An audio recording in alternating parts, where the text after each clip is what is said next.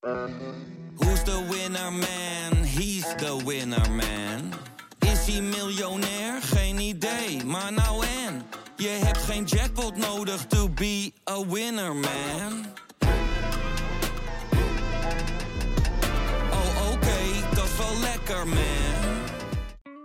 In de podcast Radio Romano met Noortje Veldhuizen Marcel van Roosmalen. En met Roelof de Vries. brengen we alle drie elke week een zogenaamde signalering mee. Wat heb jij nou weer bij je? En aan het eind bepalen we wie de winnaar van de week is. Echt een angstcultuur aan het Lege worden. huls die je er bent? Ja, dat gaat eigenlijk altijd onvriendelijk. Luister nu naar Radio Romano bij Podimo. Via podimo.nl slash Radio Romano luister je 30 dagen gratis. Als je een dronken zwerver in het torentje zou zetten, die continu starnakel was en überhaupt de Nederlandse taal niet machtig was, zou je nog rationeler en beter beleid krijgen over Nederland dan wat we de afgelopen decennia hebben gezien. Hoe is het mogelijk dat de heer Bisschop denkt dat de bevolking nog slechtere keuzes zou kunnen maken dan de pipo's hier? Nou, nou, nou. Dit is Betrouwbare Bronnen met Jaap Jansen.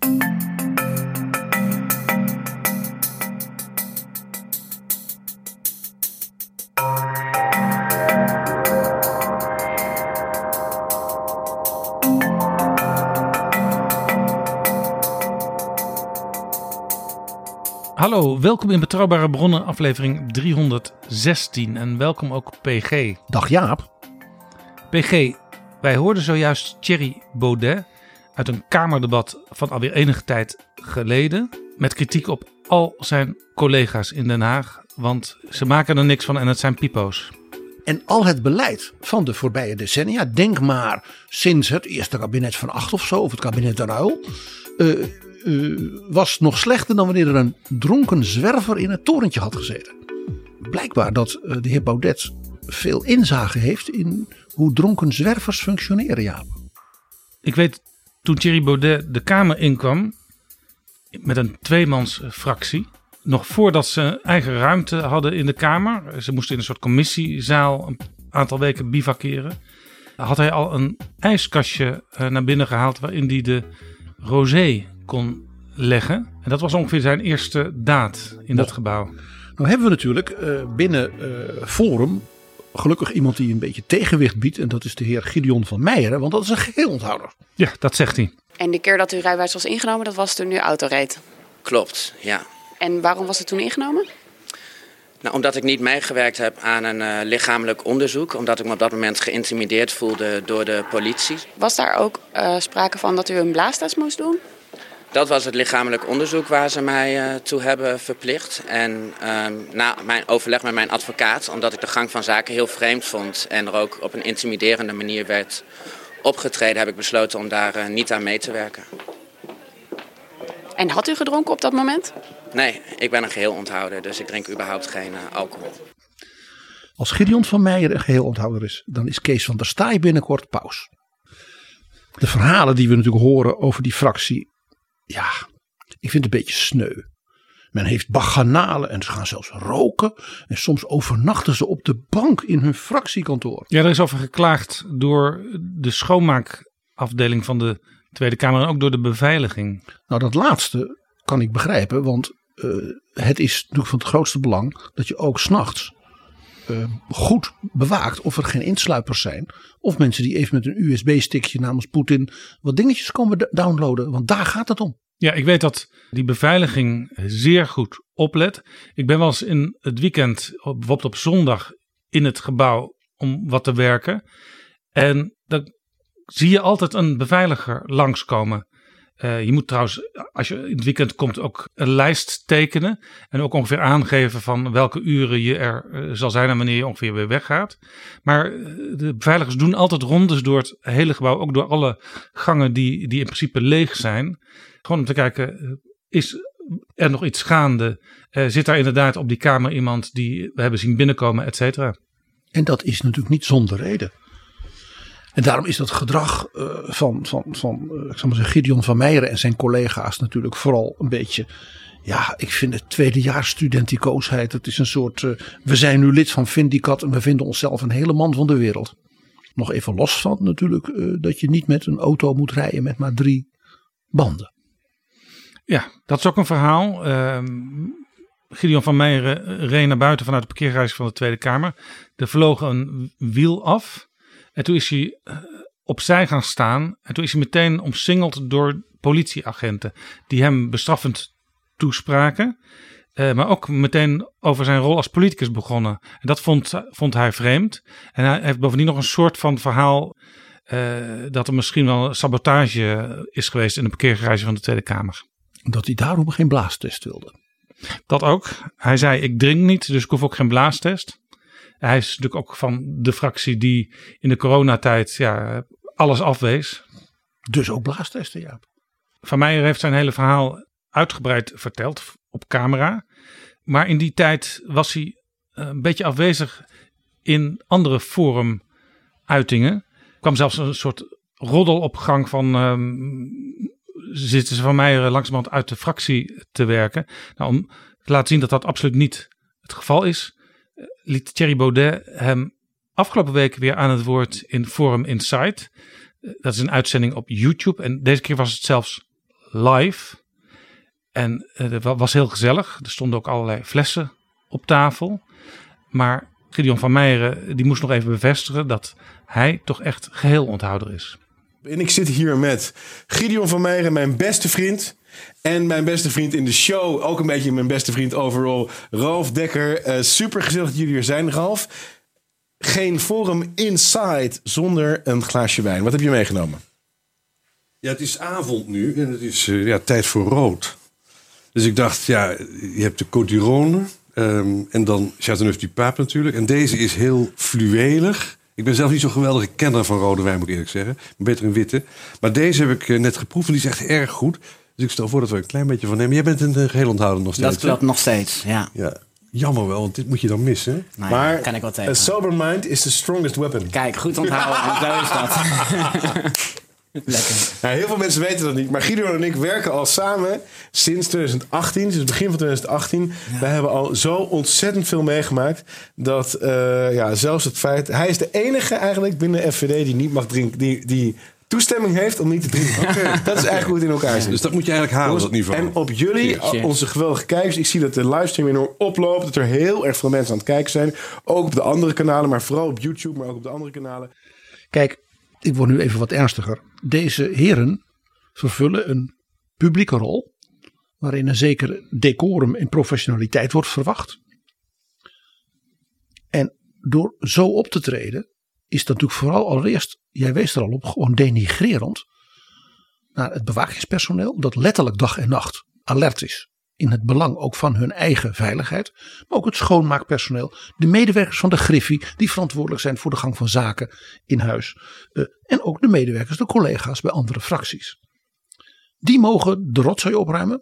Die mogen uh, daar een beetje in rondlopen blijkbaar. En dat moeten dat allemaal mooi vinden. En dat is natuurlijk gewoon onbeschoft. Nog even los van hoe je omgaat met politieagenten die in de nacht hun werk doen. Ook weer ten behoeve van de veiligheid, in dit geval ook op het verkeer van iedereen, en die je dan zo behandelt. Dat hoort gewoon niet. Omdat dit onderwerp in de fringe van het Binnenhof zo dominant was afgelopen week, hebben wij besloten, het PG, om er een thema van te maken: drank in de politiek. Ja, het was wel, dat geef ik eerlijk toe, vanuit de historie, buitengewoon inspirerend soort incident, zal ik maar zeggen. Dus Jaap, zullen we dan met een iets lichtere toets dat onderwerp toch maar eens even uitdiepen. PG, als het gaat om drank in de politiek, waar denk jij dan aan? Nou ja, Jaap, er zijn natuurlijk mensen die tot de grootsten van de wereldgeschiedenis behoren. Die de enorme drinkers waren. Mag ik eens Alexander de Grote noemen? Eh, denk eens aan Tsaar Peter de Grote en natuurlijk aan Winston Churchill. Churchill die zei toen hem ooit werd gevraagd: ja, het feit dat u zoveel drinkt en zo graag drinkt, heeft dat geen schade toeberokkend aan uw carrière en aan uw politieke visie? Toen heeft hij gezegd: I took more out of drink than drink took out of me. Eén anekdote van Churchill, want anders gaan we uren over hem vertellen en drank. Uh, toen hij voor het eerst op het Witte Huis kwam, bij president Roosevelt. Dat was natuurlijk meteen na de overval op Pearl Harbor door Japan. Ja, dus 1941. dus we're, all, we're in it together now, zeiden ze tegen elkaar. Hij zegt, ik kom meteen. Hij heeft bijna drie weken op het Witte Huis gewoond. Dus de staf van Churchill zond vooraf aan de First Lady Eleanor Roosevelt ja, een soort dagschema en waar ze rekening mee moest houden. En daarin was dus ook een overzicht van wat Churchill per dag placht in te nemen. En mevrouw Roosevelt, die nogal uh, zeg maar preuts en een beetje, beetje zuinig was. En een, beetje en echt een Hollandse gereformeerde. Hè, dat was natuurlijk ook van huis uit. Die was ontzet. Uh, dat begon met uh, bij het ontbijt sherry. Dan voor de lunch een fles hele dure champagne. Want dan moesten we even. Nou, bij de lunch natuurlijk port bij de kaas. Dan halverwege de middag, zeg rond tea time, natuurlijk een mooie cognac. Voor het diner weer een champagnefles. Bij het diner dit soort wit bij vis, dat soort rood bij vlees. En dan s'avonds laat natuurlijk nog een meer dan één prachtige cognac. En Churchill wist blijkbaar ook wat er in de wijnkelder van het Witte Huis lag? Ze hadden geen idee. Daar was namelijk bijna niks. Dus mevrouw uh, Roosevelt die liet dat checken. Die zei ja, als die man hier drie weken is, dan zijn we na twee weken, is er niets meer in die kelder. dus toen heeft men de volgende oplossing bedacht. Er is vanuit Londen naar de kelder van de Britse ambassade in Washington DC. Dus een complete voorraad van wat Churchill lustte gestuurd. En dat werd dan zeg maar, zeg maar om de zoveel dagen werd dat aangevuld in de kelders van het Witte Huis. Dus eigenlijk hebben de Britten er zelf ook nog voor betaald. Uiteindelijk hebben dat, is ook, dat is ook weer Hollandse zuinigheid. Mevrouw Roosevelt kon er dan zeg maar mee instemmen. Zij was niet echt heel dol op Churchill. Anders dan haar man. Die namelijk ook wel van een goed glas hield. Uh, maar natuurlijk omdat hij uh, verlamd was. Uh, natuurlijk altijd wat kalm aan moest doen. Maar met Churchill had hij wat dat betreft ook s'avonds heel laat vaak heel veel plezier. En dat was bevorderlijk voor de samenwerking. Maar ook in Nederland hebben we natuurlijk epische drinkers in de politiek gehad. Denk aan Bram Peper, een groot man. En sommigen ook in de wereldgeschiedenis van de voorbije jaren waren zowel epische als tragische drinkers. Denk aan Boris Yeltsin. En af en toe zei ze ook dat soort drinkers net zo sneu als die Gideon. En dan denk ik aan Egon Krenz en bijvoorbeeld aan Richard Nixon. Ik moet ook denken, PG, als je het over de do's en don'ts hebt qua drankgebruik, aan Ferdinand Domela Nieuwenhuis. Want die heeft in 1897 een brochure geschreven voor de Socialistische Geheelonthouders Propagandaclub. En daarin zette hij alcoholisme op één lijn met het kapitalisme. Hij schreef: het degradeert de werkende tot willoze slaven die zich laten uitzuigen en onderdrukken en voor een borrel tevreden weer buigen onder het slavenjuk. Het is of je Gideon van Meijeren hoort, de geheel onthouder Jaap. Maar eerst PG, zijn er nog nieuwe vrienden van de show? Jazeker Jaap, jazeker. Daarom heel veel dank aan Herwig en Jochem. En we hebben ook nog Makano. Middag Jaap en uh, PG. Um, dankzij uh, mijn nieuwe liefje Tween ben ik op jullie podcast gekomen en ik, ik, kan eigenlijk niet stoppen met luisteren. Ik vind het fijn, de duiding, beide. Uh, Dank je wel daarvoor. Ja, en ik kijk uit naar de volgende podcast en ik zou het leuk vinden als jullie... Uh, oh, jullie horen nu een uh, kerstkoor op de achtergrond. Uh, kerstviering is begonnen. ik zou het leuk vinden als jullie mij als Macano als vriend van de show willen verwelkomen. En ook mijn liefde wil overbrengen naar mijn vriend Dwayne. Dus dankjewel daarvoor. En een fijne dag. Dankjewel, Macano. Wat leuk, Macano. Dank. PG, zijn er ook nog losse donaties binnengekomen? Een extra bedankje aan Marcel, Homme, Roos en Hugo. En PG, de vrienden van de show konden mededingen naar een fles wijn van Wijnbar de Filosoof in Den Haag. En die flessen die gaan naar Jorrit in Groningen, Lens in Amsterdam en Wilbert in Meidrecht. Alle drie hartelijk gefeliciteerd. Proost, heren. En Jorrit, die schrijft er ook nog bij. Wat een fantastische podcast maken jullie toch? Ik kan me voorstellen dat geschiedenisleraren of leraren levensbeschouwing in het hele land jullie inbreng kunnen gebruiken. Geweldig. Nou, dankjewel Jorrit. En mocht jij je ook geroepen voelen vriend van de show te worden, ga dan naar vriendvandeshow.nl slash bb. En het betekent gewoon dat je een donatie geeft waarmee wij weer vele nieuwe afleveringen kunnen maken, ook straks in het nieuwe jaar 2023. U bent zeer welkom. Dit is Betrouwbare Bronnen. Jaap Jansen en Pieter Gerrit Kroeger duiken in de politieke geschiedenis. PG, weet je dat Freddy Heineken in het geheim de VVD heeft geholpen, de campagne van Wiegel? In het geheim, want dat mocht niet bekend worden.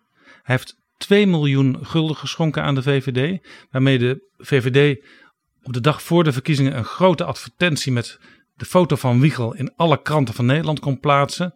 Met als grote vraag in de kop: waarom stemt u eigenlijk Partij van de Arbeid? Dat was dus een advertentie om de arbeiders van Nederland op te roepen, nog eens goed na te denken. En ja, als het even kon, toch op Wiegel te gaan stemmen. Het mocht absoluut niet bekend worden dat Freddy Heineken dat geld aan de VVD had gegeven. Want ja, hij moest immers ook bier verkopen aan de arbeidersklasse. Eigenlijk bevestigt hij dus wat Domela Nieuwenhuis in die brochure zei. Exact. Het is allemaal één groot complot. Het, het waren niet voor niets lang geleden, ongeveer een eeuw geleden, de vijf K's waar de socialisten zich tegen verzetten. Kapitaal, kerk, koning, krijgsmacht en kroeg. Kun je nagaan als je kroeger heet. Vergroot de trap van kroeg. Ja, dus jij bent bij uitstek geschikt, PG, om uh, je licht te laten schijnen op dit onderwerp, drank in de politiek. Zullen we dan maar meteen beginnen met het CDA? Je begrijpt dat ik in die partij, uh, ook in mijn jonge jaren, natuurlijk wel een paar keer een epische drinker heb ontmoet.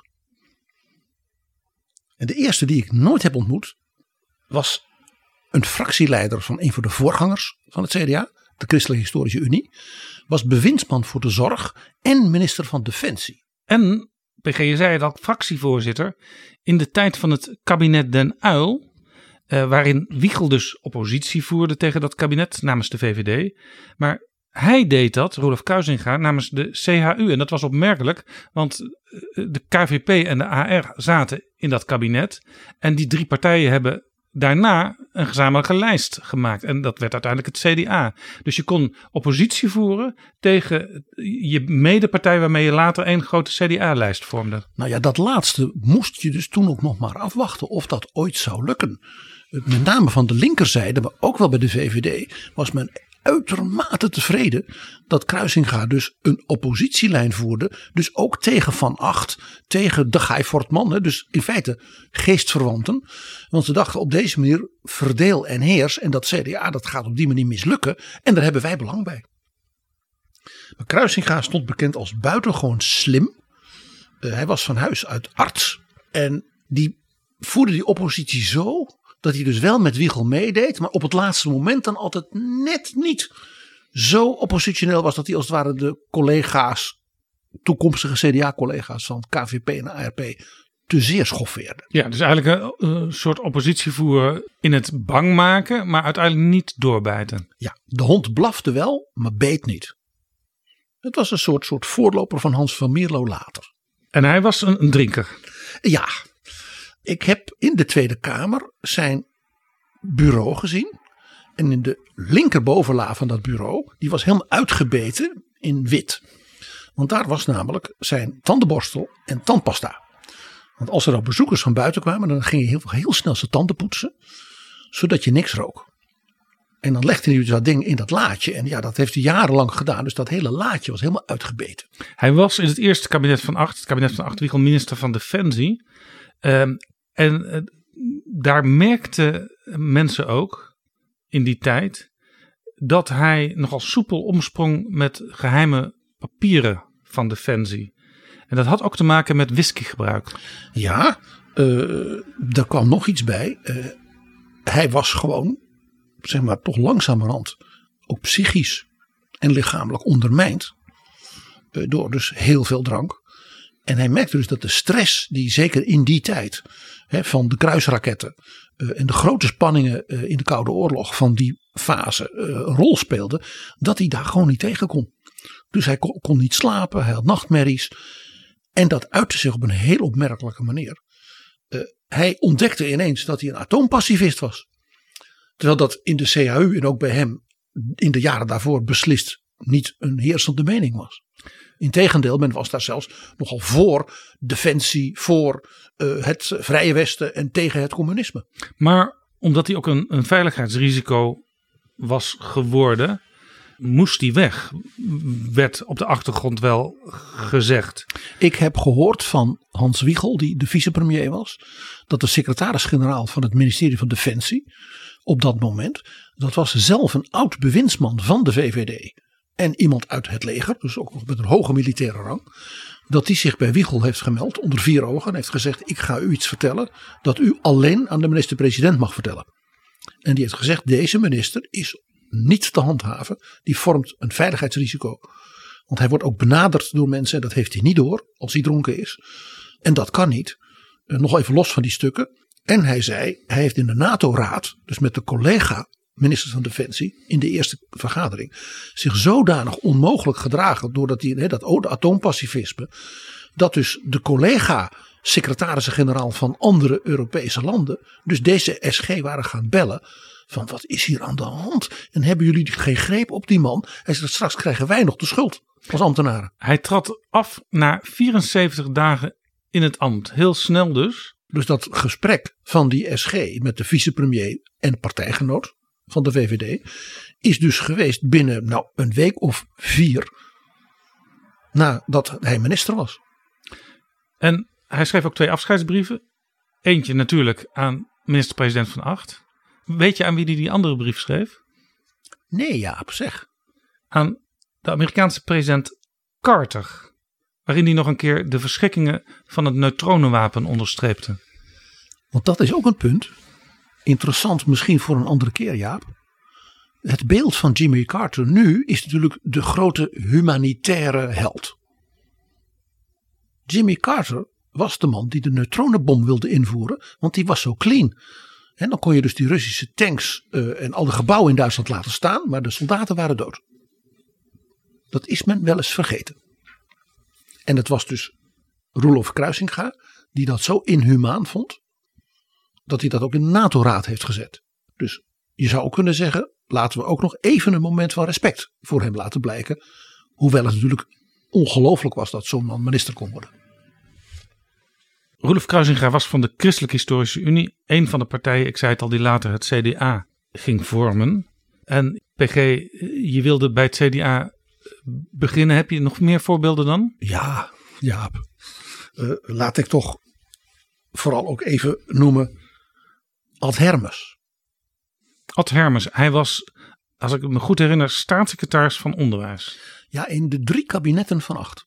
Ja, hij was er dus ook al toen Rolof Kruisinga minister van Defensie was. En hij is dat dus vier jaar bij Van Acht geweest. Toen nog dat korte, wat is het, half jaar van het tweede kabinet van Acht. En ook nog dat zomerkabinet van Acht 3. En daarna is hij teruggekeerd naar de Tweede Kamer. Ja, hij was wiskundeleraar en raakte via eh, de gemeentepolitiek van Beverwijk verzeild uiteindelijk in de Tweede Kamer en toen dus ook in het kabinet. En hij was een zeer, zeer deskundig onderwijsspecialist. Werd dus ook door de collega's van andere partijen om dat punt echt eh, bewonderd. Eh, men luisterde ook echt naar hem. Wat hij ook was, was hij uitermate precies in de details. Dat was misschien ook wel die wiskundekant van hem. Het moest allemaal kloppen. Dus dat was voor ambtenaren uh, wel eens lastig. Hij was voor ambtenaren geen makkelijke man om mee te werken. Omdat hij het altijd beter wist en hij ook vaak gelijk had. Maar je zei, hij was een drinker, maar niet zo'n drinker als Kruisinga die al ja, na 2,5 maand weg moest.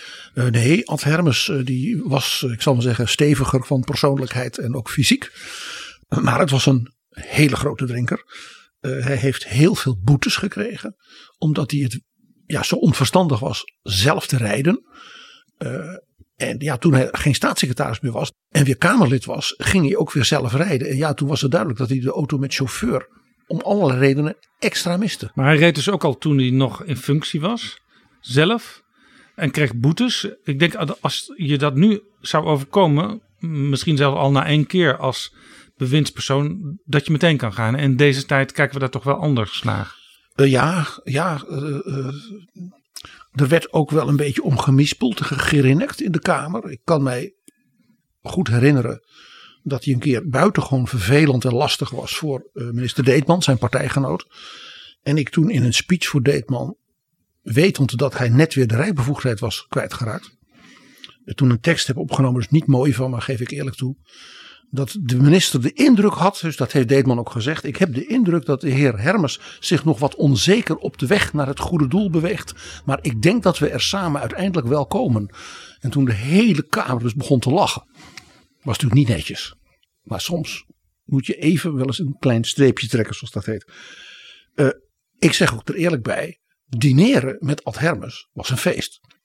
Dat was natuurlijk altijd in het restaurant Royal. Dat bestaat nu niet meer. Dat was naast Desinde. Dat was de vaste pleisterplaats van de katholieke politiek in Den Haag. Decennia lang. Ik denk zelfs al voor de oorlog. Dus als je met hem daar ging eten. Uh, en als er een onderwijsbeleid moest worden besproken. Dan moest ik natuurlijk als medewerker mee. Dan uh, bestelde hij natuurlijk de wijn.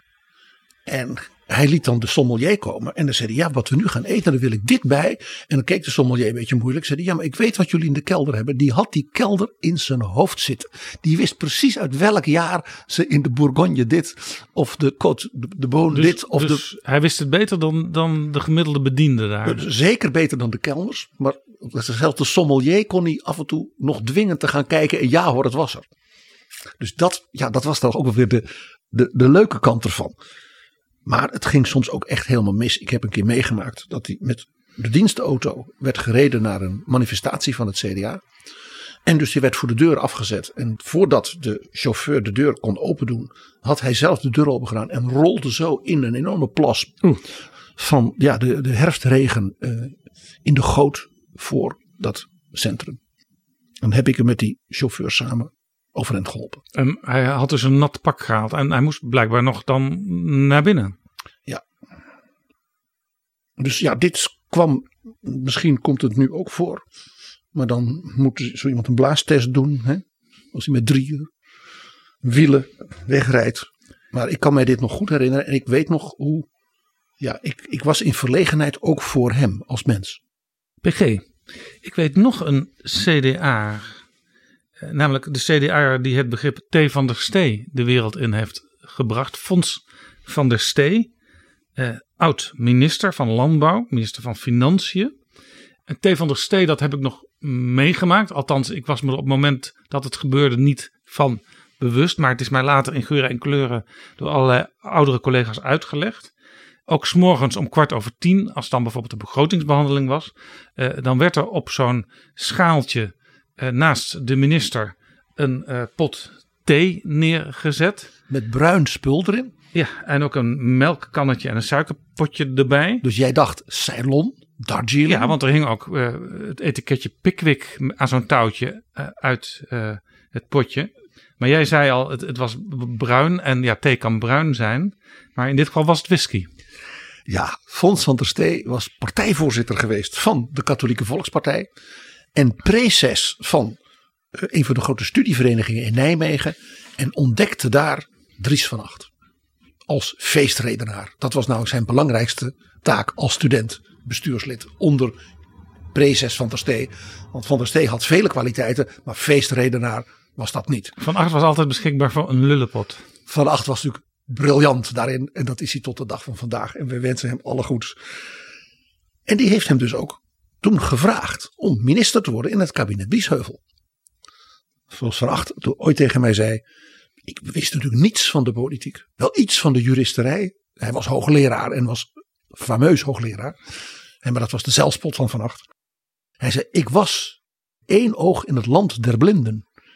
Maar zij wisten niet dat ik maar één oog had, want zij waren blind.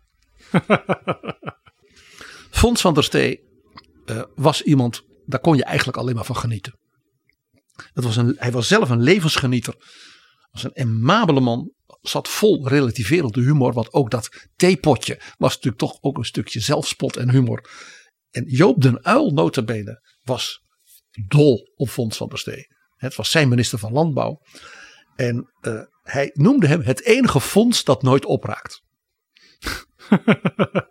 Overigens, eh, in het eh, tweede kabinet van acht, waar Den Uyl vicepremier was, ehm, ja, daar had Van der Stee wel de ondankbare taak om zo'n beetje elke vier weken eh, nieuwe bezuinigingen aan te kondigen. Want het, het, het liep echt gierend uit de hand toen met de overheidsbegroting. Ja, en de Partij van de Arbeid met name heeft uiteindelijk ook besloten om uit het kabinet te stappen. Ja, omdat Den Uyl ja, zich niet kon aanpassen, om maar zo te zeggen. Van, hè, die kwam dan met nog meer uitgaven hè, om die bezuinigingen te compenseren. Dries van Acht heeft mij verteld dat toen dat kabinet aantrad, dat hij vlak voor het eh, constituerend beraad de treffenzaal is ingewandeld. Hè, vanuit dus zijn kantoor. En eh, de bordjes heeft verzet op de tafel van de ministerraad. Zodat Fons van der Stee recht tegenover hem zat. En tegenover Den Uyl. Zodat Van Acht altijd, eh, door maar te kijken naar Van der Stee, eh, kon vermoeden wat de conclusie zou moeten zijn volgens Van der Stee. Hij omschreef Van der Stee als de contente mens, mijn goede vriend. En hij zei als zelfs Fons narrig zou worden, hè, wat dus niet in hem zat. Hij zei dan wist ik, nu moet ik stoppen. Van der Stee zei een keer in een toespraak: wat nodig is, is lef. Maar omdat hij vaak wat binnensmonds sprak, ik weet niet of het met drank te maken had, maar hij had ook zo'n Brabantse tongval. Dachten Van Koten en de Bie dat hij had gezegd: wat nodig is, is love. Van Acht heeft verteld dat hij zei hij werd minister van Financiën omdat Frans Andriessen het niet meer trok. En heeft gezegd van hij heeft toen een groot offer gebracht. En dat heeft hij gedaan voor mij en onze vriendschap. Hij zegt, want iedereen wist dat hij aan het eind van dat kabinet van 8-1 naar Brussel zou gaan om de landbouwcommissaris te worden. Want hij was buitengewoon deskundig op dat terrein. Hij was een zeer krachtige persoonlijkheid en bestuurder ook. Eh, Den was niet voor niks zo dol op hem, want hij wist in de onderhandelingen in Brussel altijd veel meer geld als ware voor Nederland binnen te halen dan men had gedacht. En dat vindt de premier natuurlijk altijd prachtig. Zeker in die tijd dat zeg maar twee derde van de Europese begroting naar landbouw ging. Dan viel er dus ook echt wat te halen voor zo'n minister. Als je dat kunt en je collega's in Europa, nou die zien in jou zelfs de komende commissaris. Ja, dan heb je letterlijk en figuurlijk veel krediet. En Van Acht heeft dus altijd gezegd dat hij bijna een, een klein beetje een soort gewetenspijn had. Omdat hij die kans voor zijn goede vriend Fons eh, ja, eigenlijk had weggenomen door hem minister van Financiën te maken. En inderdaad, jij zegt dat hij was een groot wistiki-kenner. Ja, PG, want eh, van mijn oude collega's eh, hoorde ik ook nog eh, de volgende anekdote.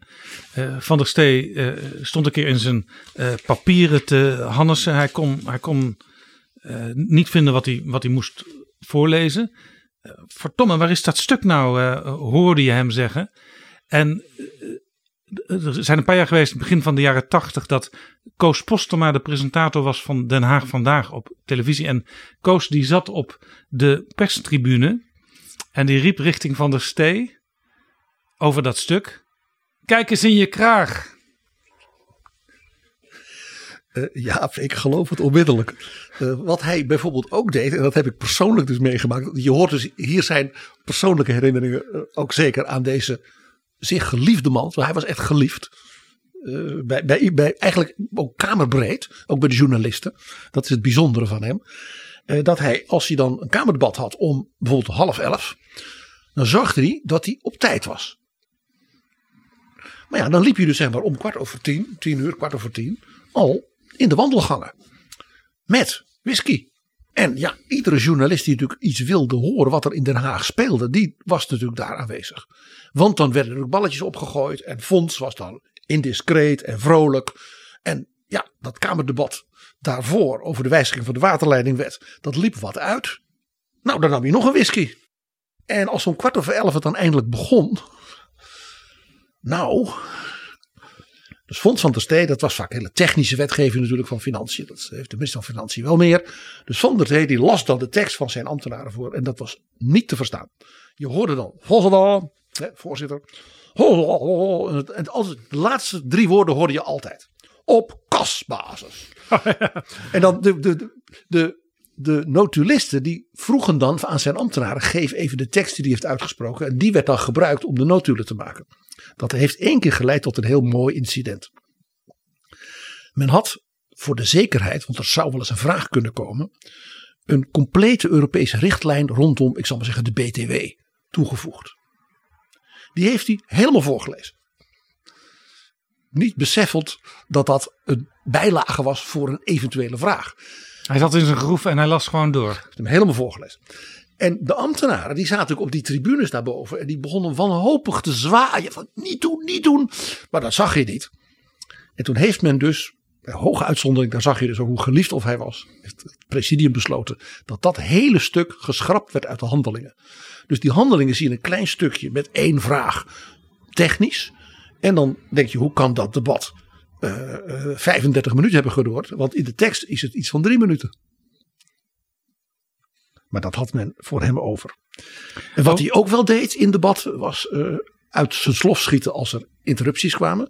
In het bijzonder interrupties bij zijn andere functie als minister van Financiën, minister van Antilliaanse Zaken. Ja. Uh, daar kon hij enorm fel worden, want hij hield enorm van de Antillen. Maar werd van de linkerzijde er altijd van verdacht dat hij met name de katholieke zuil de ziekenhuizen, de scholen en dergelijke op de Antillen zat te bevorderen. En daar kon hij ontzettend boos over worden. En dat wist men, dus dan was het leuk om hem uit te dagen.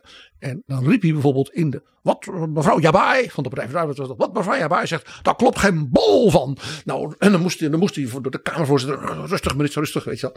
En dan, dan maakte hij excuses en zo. En toen heeft ze één keer. Heeft ze, na dat, een enorm debat met interrupties. Toen heeft ze ik vind het antwoord van de minister niet bevredigend.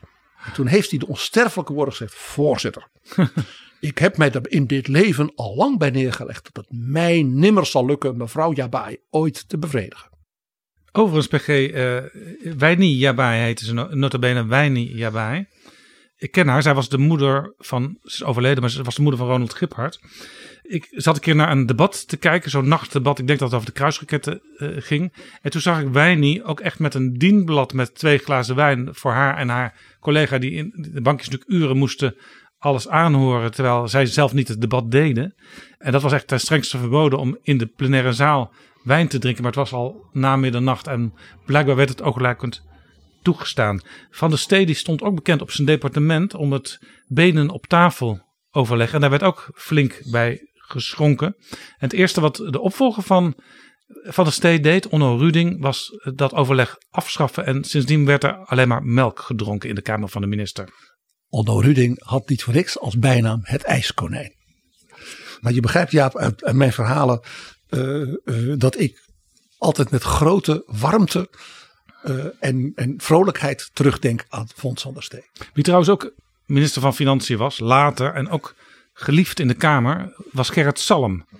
En ja, die stond ook bekend om twee dingen eigenlijk. Ook een whiskykenner. Hij moest altijd uh, tussendoor roken, dus er werd af en toe geschorst. Dan kon hij even, uh, later zelfs moest hij dan helemaal naar buiten, maar kon hij even, even roken. Uh, maar hij hield ook erg van Jack Daniels. En toen hij in 2017 informateur was, toen zag ik ook een keer door het raampje naar de kelder van dat huis aan de Kneuterdijk, waar toen de formatie plaatsvond. Het huis van Johan de Wit. Dat er al een, een dienbladje met whisky klaar stond. Want uh, de formatie was voor die dag bijna klaar. Maar Zalm moest natuurlijk nog even zijn conclusies gaan neerpennen. En daar had hij blijkbaar wat spiritualium bij nodig. Geestelijk verruimend vocht, ja. Nou hebben we twee katholieke CDA's en één hervormde gehad. Zullen we eens naar de andere kanten in de politiek kijken? De liberalen, de rooien. Zouden ze daar ook drinken, Jaap? Ik weet nog, PG, toen nog een uh, jonge Jaap was, dat de Partij van de Arbeid. Jij bent toch eeuwig jong, Jaap? Op Binnenhof 5, smiddags om drie uur al aan de drank zat. Dat was ook heel fijn. Dan kon je ook altijd de mensen vinden die je, die je nodig had uh, als journalist. Nog even dat vragen, nog even dat vragen. Uh, maar daar werd gewoon al, al wijn en bier en van alles werd daar geschonken om drie uur s middags. Fractieleider Thijs Wultgens had een soort inloopcafé. Uh, dat was tijdens Lubbers 3. Waar dus journalisten en medewerkers eh, gewoon langs konden komen. En dus in heel informele sfeer. Ja, dat was toch zelfs- gedachten met elkaar Zelfs wisselen. later in het eh, gebouw waar de Partij van de Arbeid toen gehuisvest was. Eh, daar was zelfs een aparte bar nog eh, geopend waar je Wilders altijd kon vinden. Een Limburger. Hij riep ook door de gang brand, brand. En dan schrok iedereen zogenaamd. Maar ze wisten dat het eigenlijk een verzoek aan de ober was. Een beetje, denk ik, wat jij hebt, wat ik een beetje met Fons van der Stee heb. Dat je aan zo iemand niet terug kunt denken zonder affectie. Zeker. Nou, als het gaat om epische drinkers op de zeg maar, links-liberale hoek, moeten wij toch echt een kaarsje branden voor Hafmo, oftewel Hans van Bierlo. Eh, ik heb zelf eh, mij ingespannen voor hem. Want in het oude Nieuwspoort, dus voor de nieuwbouw van de Kamer, die nu alweer oudbouw is, hè, eh, daar moest je die hele steile met een ladderachtige trap omlaag. Want het oude Nieuwspoort, dat zat heel diep onder het Kamergebouw. Dat was in feite de oude keukens van de grafelijke paleizen uit de middeleeuwen. Van de grote graaf Albrecht van Beieren en, en dergelijke namen. En daar was dus dat Nieuwspoort. En dus als dat een beetje laat was geworden, dan moest Van Mierlo, dan moest hij dus die ladder op. En dan was het toch wel fijn als er een paar jonge lieden hem min of meer omhoog tilden, duwden en droegen. En er is natuurlijk een geweldig verhaal over Van Mierlo. Ook Van Mierlo de vrouwenheld. En liefhebber van een goed glas, ja. Ja, dat staat in het boek van Hubert Smeets, die terras is geweest in Betrouwbare Bronnen. Een geweldig boek, lees dat. De biografie van Van Mierlo, een wonderbaarlijk politicus. Eh, en daar staat iets in over zijn allereerste ontmoeting met Greta Nieuwenhuizen. Later ook bekend als Greta Duisenberg. Ze hadden gegeten in een Italiaans restaurant aan de rand van het Vondelpark. En waren toen naar het huis van Greta gegaan. En daar bleken inbrekers in huis. Ik zal even een stukje voorlezen. Greta verschuilt zich achter een kapstok. Een van de overvallers roept: Sta of we schieten! Overmeestert Van Mierlo en brult: Waar is die vrouw? Op zijn antwoord: Er is geen vrouw, wordt hij onder schot gehouden met een geweer en met zijn eigen stropdas gekneveld. De andere inbreker raast intussen door het huis op zoek naar spullen. Alles bij elkaar ontvreemden ze een cassetterecorder, een gouden armband en duizend gulden dat klaar lag voor een vakantie op Ibiza. Terwijl Van Mierlo wordt gemaltreteerd en gegijzeld, weet Nieuwenhuizen te ontsnappen. Ze alarmeert de politie. Als zij, vergezeld door agenten, terugkomt, blijken de dieven via de tuin ontkomen. Ze hebben Van Mierlo vastgebonden achtergelaten in de wijnkelder. En daar heeft Van Mierlo dus een half uur gelegen met dat pistool op zich gericht. En hij had echt het idee van dit is mijn einde. Zeg maar, zijn bravoer was hij even kwijt. Overigens, later bleek dat Greta trouwplannen had met Wim Duisenberg, de oud-minister van Financiën en toen voor de Rabobank en later ook nog eh, president van de Europese Bank. En toen ze hem dat verteld had, was die bijeenkomst, adieu, uitgedraaid op een dronken drama, schrijft Hubert Smeets. Ze heeft hem dus vervolgens maar niet uitgenodigd, naar haar zeggen, om hem tegen zichzelf te beschermen. Van Mierlo vond dat opportunistisch verraad. Het kwam hard aan, hij voelde zich een verzopen hond. Tot zover Hubert Smeets. Ze eindigden dus samen in de wijnkelder nadat hij bij die inbraak toch als een soort ridder op het witte paard haar had verdedigd. Ja, maar hij werd er uiteindelijk niet voor beloond. Overigens, ik kwam Van een keer tegen in de Rode Hoed in 1991 was dat. En toen zag ik hem aan de bar staan met een leeg glas rode wijn naast zich. Ik kwam zelf uit een bijeenkomst in de Rode Hoed. Ik had dorst. Ik dacht, ik ga wat bestellen. En ik zag dat lege glas naast Van staan. Ik zei, Hans, zal ik er nog een voor je vragen, een rode wijn? Ja, graag, zei hij. En toen fluisterde hij, dit is heel bijzonder hoor, want ik drink niet meer. De Gideon in Hafmo. Maar Jaap, Van Mierlo is natuurlijk een, een, een, ja, een legende. Maar zo is er nog één op de linkerzijde. Een legende die ook een epische drinker was. Bram Peper. De oud-burgemeester van Rotterdam, de oud-adviseur van Joop ten Uyl en diverse ministers. En de schrijver van de speech van Kok, waarin hij de veren afschudde. En de oud-minister van Binnenlandse Zaken. Bram Peper had in Rotterdam een vaste, ik zal maar zeggen, waterplaats. En dat heette House of Lords. Dat klinkt natuurlijk heel chic. Dat was feitelijk de kantine van de VOC. De VOC? De voetbal- en cricketclub van Rotterdam. Oh. En Bram Peper had daar voor die club gespeeld. Want hij was een fanatiek en zeer gedreven voetballer. Ja, hij is zelfs ook nog kort even profvoetballer geweest, geloof ik. Ja, op zijn manier. Hij speelde voor VOC van 1967 tot 1971. En daarna van 1977 tot 1990. Want in 1977 was hij natuurlijk zijn baan kwijt als adviseur van een van de ministers van het kabinet Den Uyl. Ja. En hij heeft in het jubileumboek van VOC daarover geschreven. En dat heeft hij, want hij kon erg goed schrijven, leuk gedaan. Het was een voetbal- en cricketclub. Staat VOC dan voor voetbal of cricket? Geen idee. En ik denk overigens dat ik nog een ander lid van deze club ken. Want er was in Rotterdam een zeer fanatieke cricketer. Lubbers. Nou, in dat jubileumboek, 125 jaar VOC, schrijft hij wat voor een eer hij het vond dat hij ja, lid van die club mocht zijn en zelfs in de geschillencommissie mocht zitten. En hij schrijft dan heel discreet over waarom hij wel graag in die kantine kwam. Ik lees even voor. In het immer dra- drassige laag 16hoven speelden wij onze partijen. In toenemende mate met het doel om na de wedstrijd het verloren gegane vocht in de House of Lords aan te zuiveren met een geelkleurige drank. De bekende derde helft. Alle leden van de VOC kenden het echte verhaal. Op maandagochtend vroeg was het een taak van de terreinknecht om de in zijn auto nog zittende en snurkende burgemeester te wekken, zodat hij keurig op tijd nog aan het werk kon in het stadhuis. en deze, laat ik zeggen, kleine eigenaardigheid van Bram Peper verklaart natuurlijk voor mij meteen, als literatuurliefhebber, waarom hij zo zeer bevriend raakte met Gerard Reven. Die natuurlijk ook een enorme drinker was. Ja, Gerard, bij Gerard Reven kun je ook echt eh, vastspreken dat, dat eh, zijn hersenen door, door zijn aangetast. Hè, door de drank uiteindelijk. Uiteindelijk wel. Ik ben geen medicus, maar dat, dat kon je zien. En Bram Peper, die is uiteindelijk van de drank afgekomen.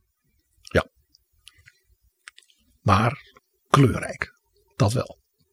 Hij is natuurlijk onlangs overleden, dus we denken aan hem met, eh, zeg maar, met veel empathie.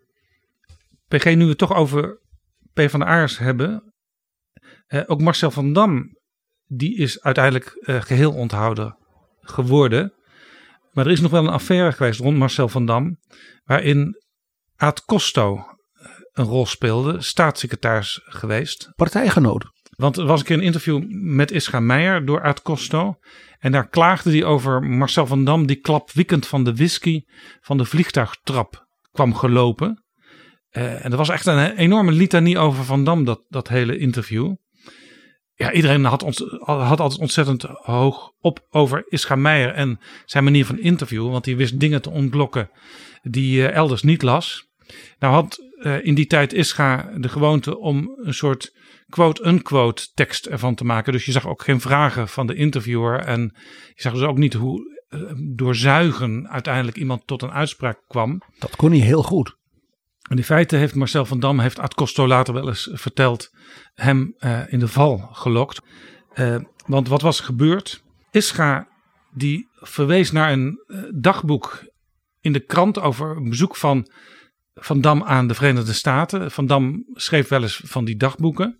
En daar had hij het over dat hij terugvloog naar Nederland in gezelschap van allerlei bankdirecteuren die eh, fles na fles opentrokken. Dus Van Dam schrijft niet, niet over zichzelf hier. Ehm, zodat ze uiteindelijk klapwiekend van de whisky terugvlogen naar Nederland. En daar is dus dat, die uitspraak van gekomen. Klap, klapwiekend van de whisky kwam Van Dam de vliegtuigtrap af.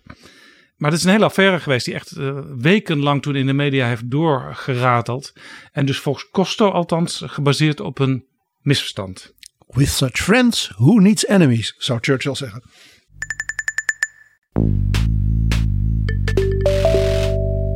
Dit is Betrouwbare Bronnen, een podcast met betrouwbare bronnen. PG, laten we eens naar het buitenland gaan. Want uh, jij zei in de aankondiging al, er zijn een aantal internationale voorbeelden waarbij drank niet ontbrak. En dat is natuurlijk in vele landen. Dus we gaan nu echt een wereldreis maken, Jaap. En we beginnen met twee, misschien in ons land niet bekende politici. Maar die in hun eigen land en in de geschiedenis zullen ingaan en zullen blijven als epische drinkers. En de eerste, daarvoor gaan we naar Oost-Berlijn. Naar Egon Krenz. Naar de DDR, de Duitse Democratische Republiek. En Egon Krenz was de beroepsjongere. Ja, die was op een hoge leeftijd nog voorzitter van de FDJ, de, de partijjeugd. De Vrije Deutsche Jugend. Hij was al richting de 40. Jazeker. En hij was zeg maar de, wat ze in Duitsland noemen de Stimmungskanone. Dus iemand die voor de, voor de feesten en partijen zorgde en voor het enthousiasme. En hij was een soort eenmans applausmachine voor Erich Honecker. Die natuurlijk helemaal geen aantrekkelijke en, en, en, en enthousiasmerende persoonlijkheid had. Dat is het privilegie der arbeid. Andere privilegien zijn eerlijke communisten vreemd.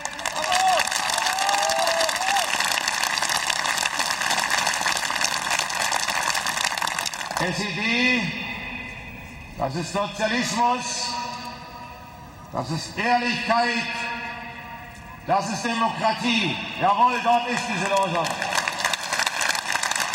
Dus er werd dan enthousiast, er werden partijliederen gezongen en er werd gedanst. En uh, nou ja, fris en fröhlich, zullen we maar zeggen.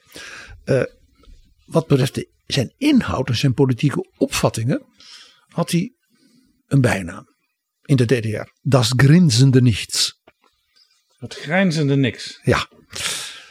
Want ja, hij, uh, hij, hij, was voortdurend loyaal naar Honecker.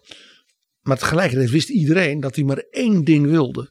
En dat was zo snel mogelijk van Honecker af. En zelf de secretaris-generaal van de SED worden. Dat is uiteindelijk ook gelukt. Hè? In oktober 1989 toen heeft hij samen met anderen uh, Honecker laten aftreden.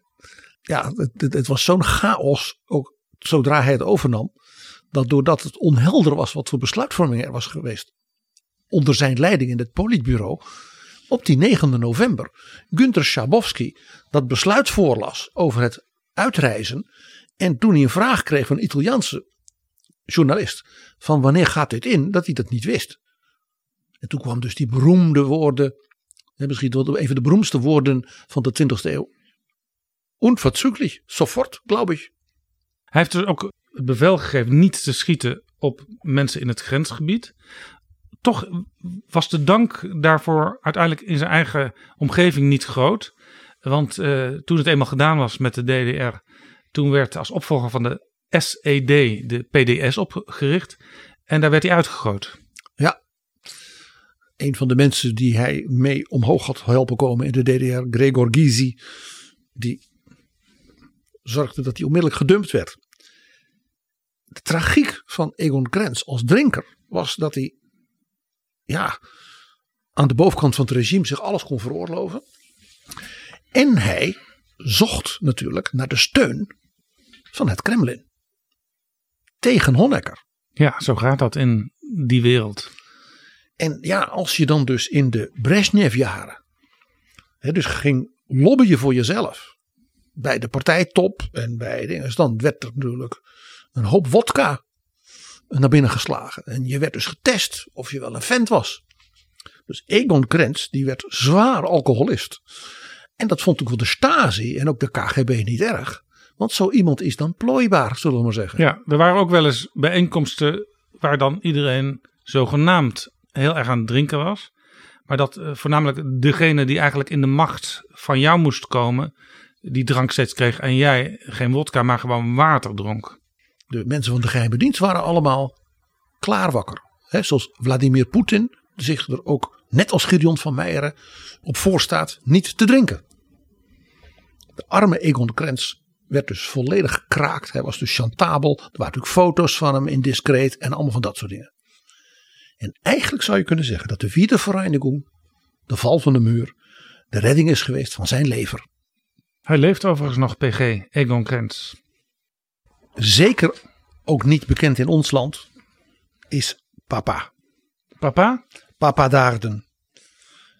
Een van de meest kleurrijke, eh, enthousiaste innemers in de Europese politiek. Michel Daarden, een Belgische politicus. Een Waalse Waal, socialist. inderdaad. Ja, van de Partie Socialist. Hij is overleden in 2012. Maar hij was Kamerlid natuurlijk. En ook uiteindelijk eh, minister op federaal niveau van pensioenen. Michel Daarden was een zeer machtig man in Wallonië. Via de daar ook zeer machtige Partie Socialist. Want hij was eigenlijk de patron, zoals men dat heette, van de afdeling Luik. En die was natuurlijk heel veel leden. Hele sterke vakbonden, sterke organisatie. Dus hij was iemand van groot gewicht in de Waalse politiek. Ja, Maar dus en- ook in de nationale Ja, politiek. en, en die partij die eh, was, ik weet niet hoe het nu zit, maar die was toen heel erg opgebouwd uit de afdelingen.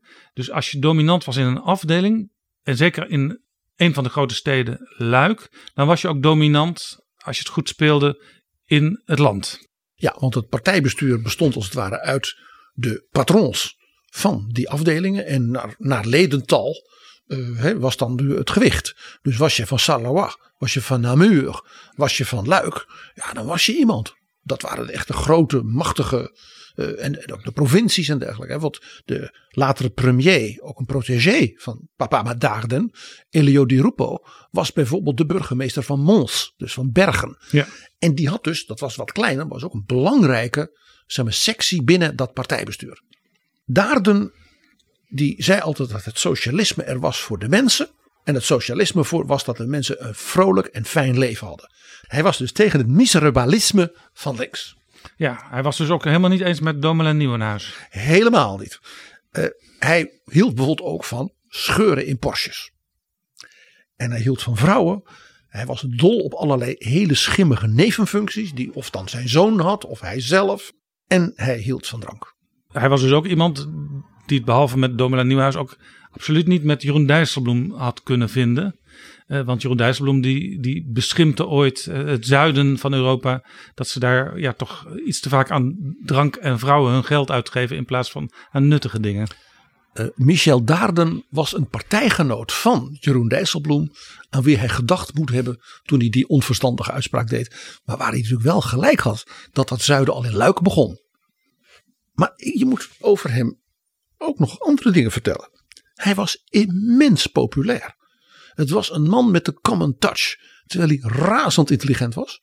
Hij was gevreesd om hoe hij alles wist van de begroting, van cijfers. Daarom werd hij ook nationaal minister van pensioenen.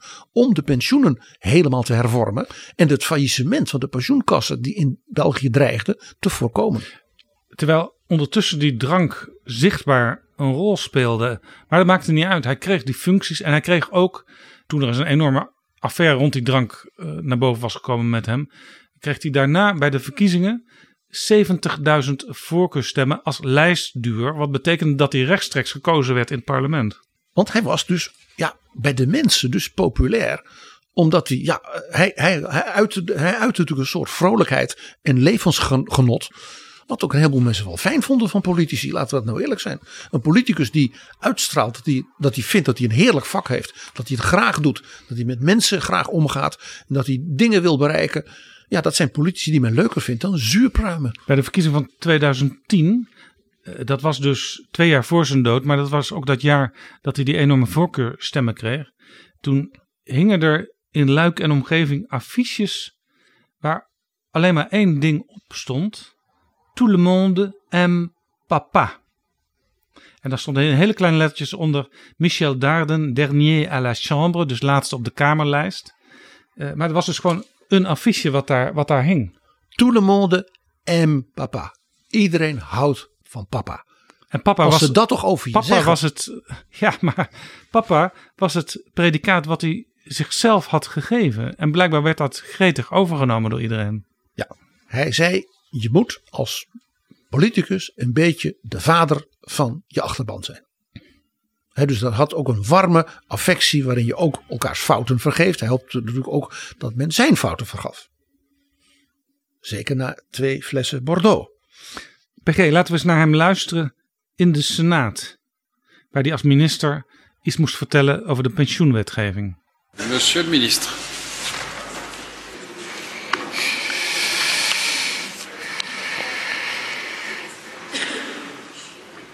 De voorzitter, waarde collega's. We zijn ons al jaren bewust van het probleem van de vergrijzing. En dat ondanks de opeenvolgende regeringen het probleem onopgelost blijft. Ik ben akkoord.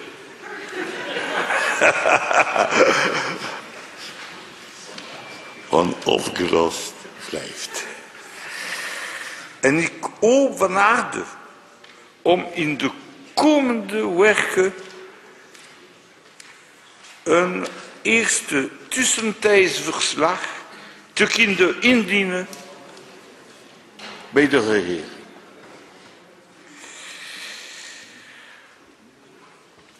Voor mij, voor mij. Dit verslag zal een soort groenboek worden. Groenboek worden.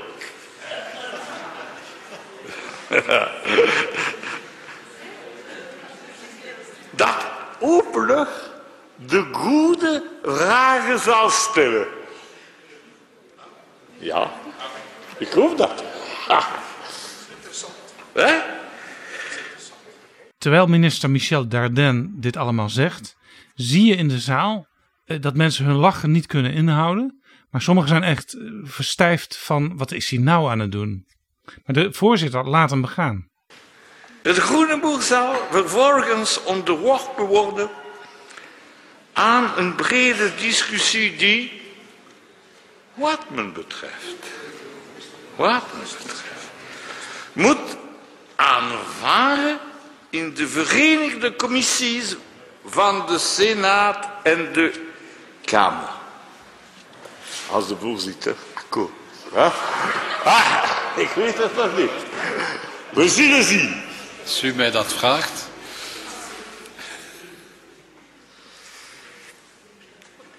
Aan het einde van deze brede discussie hoop ik voor het einde van de eerste elf van 2010, 10 hè?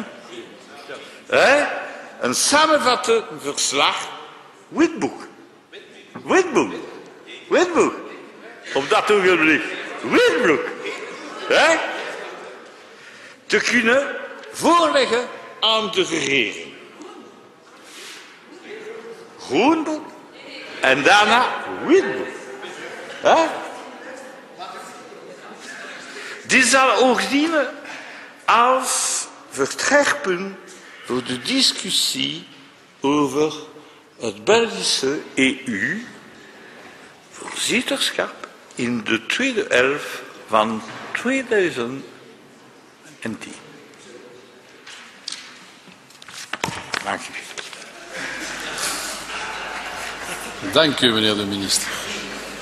Het is tragisch met hem afgelopen. Want zijn protégé, de jonge Italiaanse immigrantenkind Elio Di Rupo, eh, heeft hem gedumpt toen hij een kabinet ging vormen met onder andere de Groenen. En de Groenen hebben gezegd: wij willen in dat kabinet, maar de PS, dus de Partie Socialist, mag Michel Darden niet opnieuw minister maken. Wij willen, zoals dat heet, een homme sérieux. En Di Rupo heeft die prijs betaald. En uh, Darden was ontredderd, ook geestelijk. En is heel snel daarna ook overleden. Ja, misschien dat de voorzitter hem ook wel eh, liet begaan, omdat hij toch uh, wat hij zei, als je dat opschreef, dat, dat klopte wel. Het was gewoon wel de tekst die hij ook wilde voorlezen. En misschien was het ook gewoon, ja, toch omdat uh, aime papa. Dit is natuurlijk heel bijzonder wat we hier gehoord hebben, PG. Maar het is eigenlijk nog beter om het ook nog met beeld te zien. En in de beschrijving van deze aflevering kun je Michel Daarde dit allemaal zien zeggen. Groenboek, witboek. Ja, en je moet toch ook wel enig respect hebben voor het feit dat hij gewoon in het Nederlands dat hele betoog hield.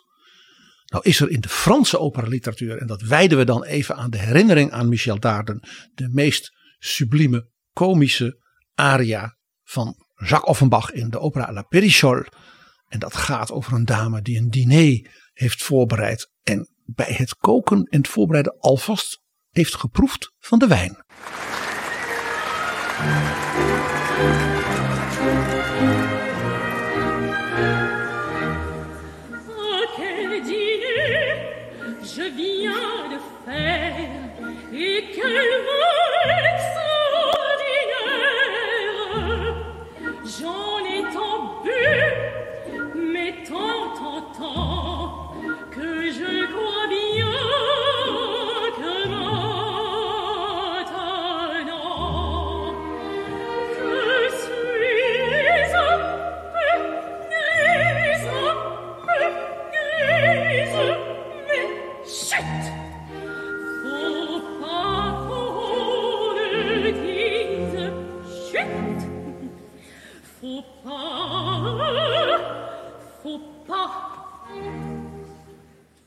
Dat was PG Valentine Lemercier, à quel dîner. En ook hiernaar zit een link in de beschrijving. Want uh, je moet het haar echt zien doen. Zij loopt uh, wankelend over het toneel. Uh, Een perfecte want, komische actrice. Ja.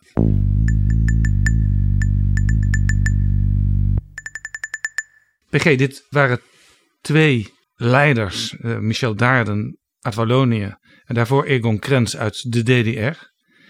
Maar er zijn natuurlijk ook echte grote staatslieden waar je wat over kunt vertellen. Uh, Jaap, er zijn natuurlijk onder de zeg maar, grote wereldleiders van grote naties twee mensen die je moet noemen. De ene een wat sneuwe, tragische drinker en de andere een epische drinker. En over beide hebben we het al een aantal malen gehad in betrouwbare bronnen. Die ene ging naar China. Nixon. En kreeg een impeachment. De Amerikaanse president. En die ander is natuurlijk Boris Yeltsin. Over wie Frans Timmermans nog een prachtverhaal heeft gehouden. Op het moment dat er een coup werd gepleegd in de Sovjet-Unie. Uh, en dat moment wat uiteindelijk leidde tot het presidentschap van Yeltsin van heel Rusland. Ja. Zullen we beginnen met Richard Nixon? Richard Nixon, daarvan denken we een drinker. Ja, Richard Nixon kon als student al slecht tegen drank. He, dus één glaasje en hij was al helemaal van de kaart. Maar hij wou zo graag meedoen. Hij wou een beetje populair zijn. Hij wou een beetje stoer zijn. En dat werd hij nooit. Hij organiseerde zelfs zijn eigen studievereniging. Omdat hij in de studievereniging van de jocks. Van de sportjongens van de universiteit. Gewoon ja, weggezet werd. Dat is altijd aan Nixon blijven kleven. Het is altijd een beetje een petit bourgeois geweest. Ook als hij dan stoer ging drinken. Daar kwam ook nog bij, hij was uit een zeer vroom kwekergezin, vooral zijn moeder, die hij ook zeer vereerde. En daar was natuurlijk drinken een doodzonde. Ja. En dus dat zat er dan ook nog aan vast. Uh, Nixon was befaamd om zijn liefde voor hele dure Bordeaux-wijnen. Want dan wou hij laten zien, ik ben een man van de wereld. Hij ja. als Amerikaan dat je zegt, ik weet precies, je moet die Saint-Estèphe hebben of die Chateau Margaux. Dus, dus voor sommigen was Nixon een wijnkenner. Zeker. En hij wou natuurlijk daarmee etaleren ook. Ik weet alles van Frankrijk. Hij was ook een groot bewonderaar van Charles de Gaulle. Dus dan begon hij ook altijd over de Gaulle te vertellen. En dat hij hem had ontmoet. Maar wat Nixon ook deed. En dat was dus weer dat, ja, dat wat sneuwen. De andere mensen die met hem dineerden. Daar bestelden die andere wijn voor. Een beetje gewone uit Californië. Ja, hij kwam natuurlijk uit Californië, dus hij moest ook nog eh, die boeren daar een beetje steunen. Ja. En eh, Kissinger vertelt in zijn memoires dat toen hij terugkwam van die geheime reis naar Beijing, bij Zhou Enlai en bij Mao, dat hij toen met Nixon dus in Californië was, in zijn buitenverblijf. En hij zo ja, lyrisch was en zo in alle staten van ik ga nu wereldgeschiedenis schrijven. Dat hij dus Kissinger en de staf heeft meegenomen naar een duur restaurant. Dat hij daar de allerduurste fles Franse wijn heeft besteld. En bij Kissinger zei hij was verschrikkelijk duur. Maar ik vond het helemaal niet lekker. En ja, dat was allemaal natuurlijk nooit zo naar buiten gekomen. Hè, dat Nixon na één glaasje wijn al eh, van de kaart was. Als hij natuurlijk die bandjes niet had gemaakt. Ja, die tapes waarop alle gesprekken in het Witte Huis, ook de telefoongesprekken, werden opgenomen. En hij had zelfs goed gevonden dat in zijn kleine bureautje in het Old Executive Office, dus dat het huis achter het Witte Huis, daar, hij hield niet van het Witte Huis niks, en want dan konden mensen hem zien. Hè, zoals ik al zei, het was een wat schuwe man. Dus dan zat hij in een werkkamertje, maar ook dat was voorzien met triggers, dat als er iets, iemand binnenkwam, of als de telefoon ging, dat er dan opgenomen werd. Dus als hij s'avonds laat daar zat, dan zat hij te broeden. Dan had hij ook altijd muziek aan. Want hij was heel muzikaal, hield van klassieke muziek. En dan ging hij bellen. En dan had hij bijvoorbeeld na het diner ook nog één glaasje whisky op. Nou, dan was hij niet meer te verstaan bijna. Dus dat kun je op die banden ook horen. Dus toen die bandjes publiek werden. Toen kwam dus naar buiten. Werd, werd de indruk of- alsof de president ongeveer elke avond. Nou ja, in de olie was. Laten we even luisteren, PG, naar zo'n tape. Je moet goed luisteren, want er zit storing doorheen. Tape uit de Watergate-periode. Die inbraak bij de tegenpartij Democraten. Waarin Nixon belt met zijn medewerker Bob Haldeman. Die overigens later voor anderhalf jaar de bak in zou draaien. But let me say, you're a strong man. God damn it, and I love you. and I, no, I love John. We're all the rest, and by God, keep the faith. Keep the faith. You're going to win this son of a bitch. Absolutely. You notice what I said about the violence and so forth on the other side. Yeah. I mean, there were some there were some intricacies in this that only the sophisticates will understand. I got those, and I want to get the text because there's some things to work on from there Right. that uh, we can build. I thought it was good too to, to to sort of end on what I deeply felt, you know, the religious note, you know, God bless America. I mean, I don't. I'm sure it must have, uh, you know, have, have driven you up the wall. Didn't drive me up the wall, but I felt that way. I know that. God bless you, boy. God bless you. I love you, you, you know. Okay. Like my brother. And we'll All right, boy. go on and up from Keep the faith. Right. De arme man. En bepaalde mensen zoals Kissinger en bepaalde ministers, maar ook bepaalde generaals, die gebruikten dat ook zelfs als argument van, hoe de president is weer dronken vanavond. Dus wat hij nu beveelt wat we moeten doen, dat leggen we gewoon maar even terzijde tot morgenochtend. Dus het was ook een truc voor bepaalde medewerkers om te voorkomen dat de president dingen besliste die zij niet wilden. Het was ook vaak heel verstandig van Kissinger en van die generaals om de, bevelen van Nixon niet meteen op te volgen. Maar het heeft iets, ja, iets sneus. Dat een man die eigenlijk dus helemaal niet dronk, althans maar en na één glas al hè, zowat omviel, dat hij dus door zijn eigen bandjes de geschiedenis inging en gaat als een grote drinker. Dat verhaal trouwens dat hij dan die hele bijzondere Bordeaux dronk. En dat de massa van de tafelgasten ja, gewoon met bocht werd afgescheept. eh, doet mij denken aan een eh, reis die ik eens heb gemaakt met de KBX. Het regeringsvliegtuig. Er werd hele lekkere witte wijn geschonken. Dus ik complimenteerde die stewardess die langskwam met die wijn. Ik, ik zei, kunt u dit overbrengen aan eh, koningin Beatrix? Dat het hele fijne wijn is. Ehm, ja, zei die stewardess. Maar dit is niet de wijn die de koningin drinkt. Die ligt veilig achter slot en grendel. Wie had ooit gedacht dat tussen Beatrix en Richard Nixon zo'n opmerkelijke overeenkomst was? PG, Boris Yeltsin. Ja, Boris Yeltsin. Je merkt het ook bij Simon Sebag Montefiore. Die had hetzelfde van, die man die had toch het hart op de goede plaats. Hij zei zijn intentions waren goed. Hij zei hij had van Rusland iets moois kunnen maken. En hij zei ja, die oorlog in Tsjetsjenië, Maar ik denk dus ook dat Jeltsin gewoon ja, fysiek, toen, het eenmaal, toen hij eenmaal op de toppen was, het gewoon niet meer aankon. Hij doet een beetje aan Kruising denken in dat opzicht. Ja, en het is ook een heel treurig documentaire van het moment dat Poetin de macht overnam, notabene door Yeltsin zelf aangetrokken. En Yeltsin en zijn familie eh, thuis zat te kijken naar de verkiezingsuitslagen. En dus enthousiast wilde bellen met Poetin van goed gedaan jochie. Dat Poetin eigenlijk de telefoon niet opnam. En dat zij daar, ja, zij gingen door met hun eigen uh, familiefeestje. Met wat drank en hapjes en zo. Maar Poetin had geen belangstelling meer voor Yeltsin. Die zojuist dus was afgetreden. Hij bestond niet meer. Yeltsin was natuurlijk. Ze hebben de jonge Yeltsin. Dat kon je zien. Dat was een sportman. Een van een kerel. We hebben geloof ik een keer over hem verteld. Hè, dat hij als student. Uh, ja, zijn studiebeurs aanvulde. Door als sleper en shower te werken in het weekend op de vrachtafdelingen van de, de grote spoorstations van Moskou. En nou, ze wilden hem graag hebben. Dus hij kreeg een extra roebels zakcentje mee. Want die vent die kon sjouwen uit die spoorwagons als de beste. En zo reisde hij ook gratis hè, mee door heel Rusland en leerde toen zo het volk en het land kennen. PG, er is een episch fragment van een persconferentie samen met president Bill Clinton van de Verenigde Staten. Ja, dat is.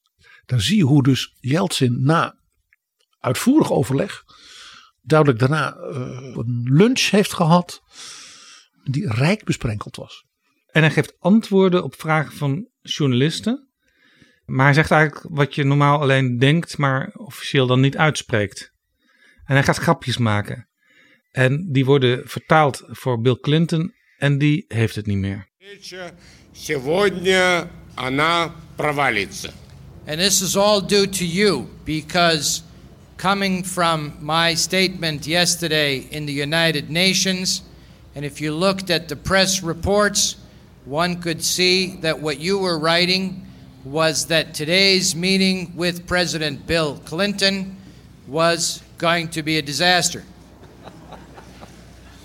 Так вот, не первый раз э, я вам говорю, что вы провалились. Well, now for the first time, I can tell you that you're a disaster.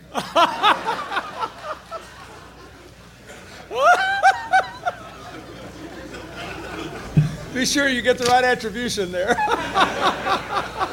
Я надеюсь, что вы правильно все это поняли.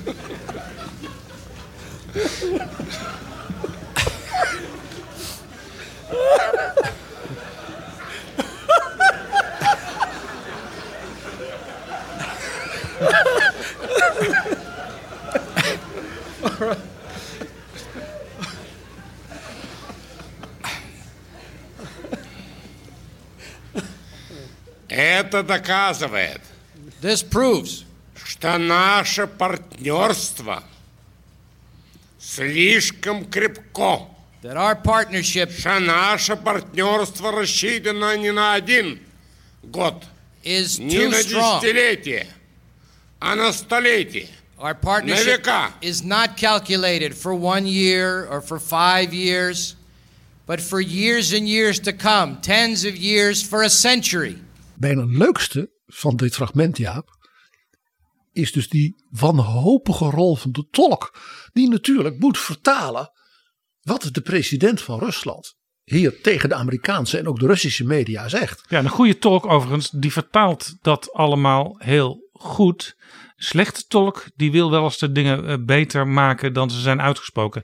En dat kan weer voor heel veel misverstanden zorg dragen, diplomatiek. Ja, daarom is een tolk een ongelooflijk belangrijke functionaris in de internationale politiek. Wordt vaak onderschat. Nou, deze tolk was dus duidelijk heel erg goed. En die hoor je proberen zo, zo, zo droog mogelijk te blijven. Hoe vochtig de president ook was. А я хочу добавить I want to add к этому, э, Что э, вы недооцениваете президентов you are underestimating the таких president великих держав. of two such great powers. Может быть, вам что-то и не приходило в голову, как решить эту проблему. Maybe А нам пришло. maybe something didn't quite reach you. Maybe you can't quite figure out how we can solve it, but it came to us. It reached us. Yeltsin is hier trouwens een, een groot toneelspeler, want hij blijft eigenlijk in het ritme. En Bill Clinton, ja, die, die slaat zich op de dijen eh, van pret. Bill Clinton, ook als je dat fragment ziet, die, ja, die heeft het gewoon niet meer. Die hangt op een bepaald moment gewoon jankend tegen de schouder van Boris Yeltsin. aan. En Yeltsin blijft helemaal de Russische beer. Hè? Hij speelt zoals de Amerikaanse pers zich de Russische beer voorstelt. Er is ook een wat langer fragment eh, van die persconferentie. De link staat in de beschrijving van deze aflevering. En daar zie je dat Clinton op een gegeven moment zijn deel van de persconferentie ook moet doen. Maar dat hij dan heel bewust het hoofd heeft afgewend van Yeltsin die naast hem staat. Want hij weet als ik hem nu aankijk, dan kan ik niet meer ophouden met lachen. En, en, en Yeltsin weet dat. Want zo dronken als hij is, en hij staat zich te wiegen helemaal. Maar hij gaat voortdurend een beetje in Clintons zeg maar, private space. Zo, en dan zo naar hem aan zitten kijken van, van de zijkant. Dus, dus Clinton moet die ogen en die, die dranklucht uit de mond van Yeltsin voortdurend hebben gevoeld en geroken. Dus het is ook wel een prestatie van Bill Clinton dat hij er toch nog in slaagde min of meer die persconferentie af te ronden. Nou, zo zijn er over Yeltsin natuurlijk vele bijzondere verhalen. Na een summit in DC eh, vloog hij terug naar Moskou met een tussenstop in Dublin. En hij zou daar natuurlijk EU-lidstaat Ierland eh, bezoeken. Zou daar enkele gesprekken voeren. eh, ook in het kader natuurlijk van de ontspanning en de goede verstandhouding die op dat moment zekerder was tussen de EU en Moskou. Hij landt en dus beneden staat de Ierse regering, de president, en om hem op te vangen en hem dus naar een buitenverblijf te brengen, met hem te praten een aantal uren en dan zou hij weer doorvliegen. Geen Yeltsin.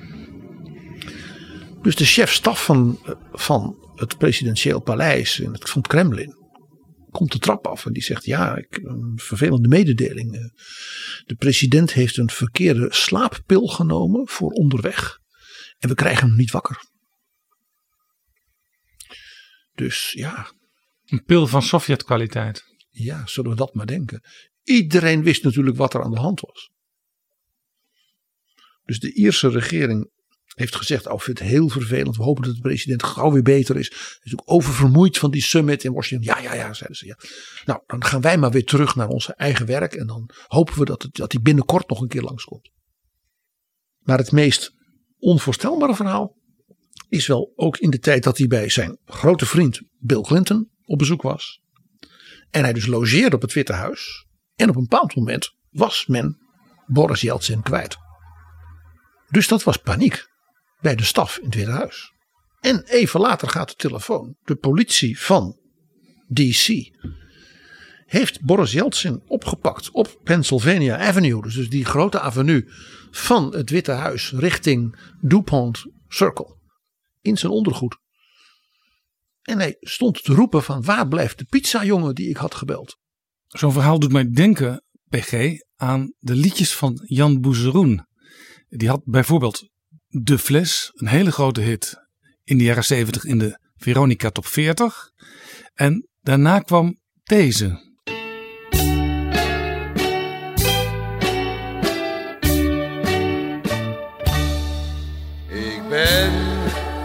Aan de drank verslaafd. De drank die een graf voor me graaft. Ik weet niet wat of ik misdeed. Dus drink ik. Zodat ik vergeet.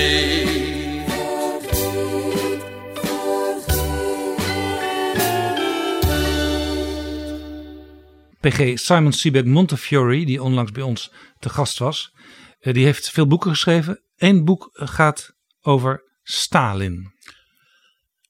Misschien ja. is het leuk om, om het daar tot slot ook nog even over te hebben. Ja, want van zeg maar, alle grote tirannen in de wereldgeschiedenis is Jozef Stalin zonder meer de grootste drinker. In het boek The Court of the Red Tsar vertelt Seaback ook door gesprekken met mensen die nog echt met Stalin hebben gewerkt. Want dat heeft hij nog vlak na de val van de muur is hij dus in Moskou onderzoek gaan doen. Sprak dus met kinderen van Molotov en ook zelfs met hoogbejaarde medewerkers van het Kremlin. Daarom is dit boek buitengewoon aan te bevelen. Want het is ja, adembenemend, af en toe ook verschrikkelijk wat je leest. En hoe zo'n systeem werkt. Stalin had een dagindeling die een beetje leek op die van Adolf Hitler. Hij ging heel laat pas slapen. Waarschijnlijk toch van de adrenaline van de macht. En sliep dan dus tot het eind van de ochtend. Stalin was een hele harde werker. Eh, hij deed ook echt alles zelf. Hij las alles, maakte overal aantekeningen bij. Had een enorm geheugen. Eh, dus het was een, een zeer krachtige persoonlijkheid als leider. Hij liet zich niet door mensen eh, zeg maar manipuleren. Integendeel, hij was natuurlijk ook heel wantrouwig. Hij zet ook iedereen tegen elkaar op. Om dan te horen hè, wie wat vertelde over een ander. Dineren deed hij zo na half twaalf s'avonds. Dus eh, de arbeiders waren al lang naar bed en ook allerlei collega's waren waarschijnlijk al gaan slapen. Maar bij die diners nodigde hij mensen uit. Want hij dineerde niet alleen. En als je dus uitgenodigd werd, dan moest je altijd opletten wie zijn er nog meer uitgenodigd. Want dat was meteen zoals men wat zegt bij Kremlin Watchers. Hè, als, er, als ze dan staan op, de, op de, de, de muren hè, boven het graf van Lenin. Wie staat waar naast wie? Zo waren die diners ook. Die diners waren dus wie is in de gunst en wie is weggezakt in de gunst. En wie moet opletten en wie krijgt een kans. Ja, en je zegt al, eh, Stalin speelde ook mensen tegen elkaar uit. Permanent. Daar kon je dus ook op rekenen eh, als je werd uitgenodigd. Wat gaan die anderen horen over mij wat ik eigenlijk liever niet zelf wil horen? En hij deed nog iets. Hij deed wat Peter de Grote, de tsaar, deed. Die ook zo'n enorme drinker was en ook altijd zo laat ging eten. Dus dat wist hij uit de geschiedenisboekjes. Hij ging de mensen vernederen door spelletjes te organiseren. Dus mensen moesten zichzelf belachelijk maken. En dan moesten ze dingen raden. Als ze niet raden, moesten ze nog een extra glas wodka. Zodat ze stom, stom dronken waren. We weten van Nikita Khrushchev, ook uit zijn memoires, dat hij zijn hele leven, ook dus na Stalins dood, toen hij zelf de leider van de Sovjet-Unie was, daar nog, zeg maar, psychisch, emotioneel kapot van was. Zo had Stalin hem en dus zijn collega's dwars gezeten, helemaal uitgedaagd, zodat ze er bijna letterlijk gek van werden. Ja. Maar ja, Stalin, dat weet jij Jaap, was een groot muziekliefhebber. Was zelf opgeleid natuurlijk in het kerkelijk conservatorium van Georgië. Omdat hij zo'n prachtige stem had. Oh ja. Zodat hij priester kon worden. En de Russische orthodoxe kerk is dat natuurlijk. Als een priester heel mooi kan zingen. Dat is natuurlijk heel belangrijk. Ja, maar hij werd iets anders. Hij werd bankrover. Maar dat zingen dat bleef natuurlijk wel in zijn hart. Absoluut. Hij was ook een groot opera-liefhebber en kenner. Ging ook veel daarheen. Had er echt verstand van. Maar er was nog iets. Bij zo'n diner moest natuurlijk gezongen worden. Was muziek nodig. En wat hij dan. Hij was dus zelf de, de aanvoerder van, de, van, het koor, zal ik maar zeggen. En waar hij natuurlijk dol op was, waren Georgische balladen. Dus balladen uit zijn geboortestreek. Want zoals je weet, hij was geen Rus. En hij had daar een kameraad. En dat heeft hem zeer geholpen. Er was nog een Georgiër in het politbureau. En dat was meneer Beria. De baas van de geheime dienst. De baas van de geheime dienst. Die ook dacht dat hij Stalin zou opvolgen toen Stalin stierf. Dus Beria en hij waren een soort duo. En dan zongen ze weer alle mogelijke volksliedjes en ondeugende liedjes en balladen en grote gedichten uit de rijke Georgische literatuur. Want dat is, de Caucasusvolkeren hebben een enorme muziek en ook eh, poëzieliteratuur. En Stalin die riep ook wel eens muzici op het matje. Ja, wat hij ook deed was als hij dan eh, zeg maar om middernacht eh, ging dineren. Zei hij ja, ze zijn toch nu wel klaar in de Bolshoi. Want hij kende dus het programma van, van de Bolshoi, van de opera van die avond. Want dat was echt een liefhebber. En dan zei hij, die zanger, die zangeres, oh die heeft vanavond gezongen. Die moet komen. Dus dan werd er een, een auto van de regering gestuurd naar het operahuis. Waar ze dus net klaar waren.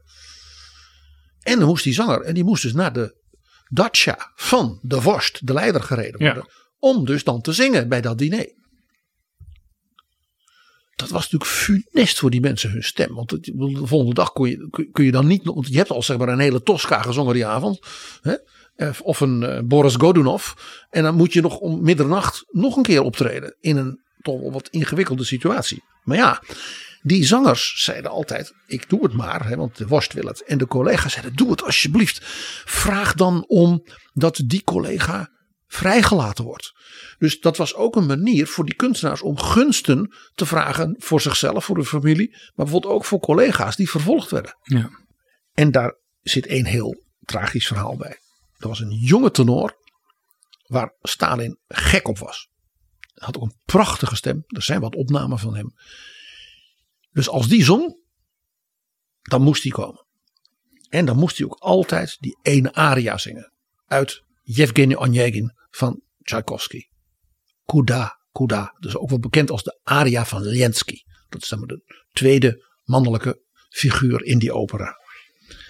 En die daarna wordt doodgeschoten in een duel. Het is ook zijn afscheid van het leven door Yevgeny Onegin. Dus het is een hele tragische aria. En dat was Stalins lievelingsaria. Een aria voordat iemand geëxecuteerd werd. Ach ja. Dus deze jonge zanger, die moest dan komen. En die werd dan natuurlijk geruffeld en die kreeg drank. En die is nauwelijks 40 aan Korsakov gestorven. Dus, dus Stalin heeft hem in feite de dood ingeholpen via de drank. Ja. Want hij moest zo vaak komen. En uiteindelijk werd het Korsakov. En nee zeggen kon natuurlijk niet. Nou moeten we natuurlijk er wel bij zeggen dat Stalin in dat opzicht natuurlijk wel op Thierry Baudet lijkt. Oh, Ja, Thierry Baudet heeft, eh, zoals je weet, DJ Jopie, eh, Joost Eertmans, natuurlijk de partij uitgezet. ja, dat was zelfs reden, reden om uiteindelijk een eigen partij op te richten voor eh, Joost Eertmans. Vanwege die verschrikkelijke muzieksmaak van de jongen. Dus dat heeft hij dan met Stalin weer gemeen. Namelijk een uitstekende smaak in de muziek. Zullen we dan afronden met Kuda Kuda, de aria bij Stalins drinkgelagen in het Kremlin. Later dan middernacht uit Yevgeny Onegin van Tchaikovsky. En we horen hier Piotr Betsala, de Poolse tenor. In een schitterende productie van de Metropolitan Opera. Die heb ik gezien zelf. Geleid door Poetins vriend Valery Gergiev. Ja,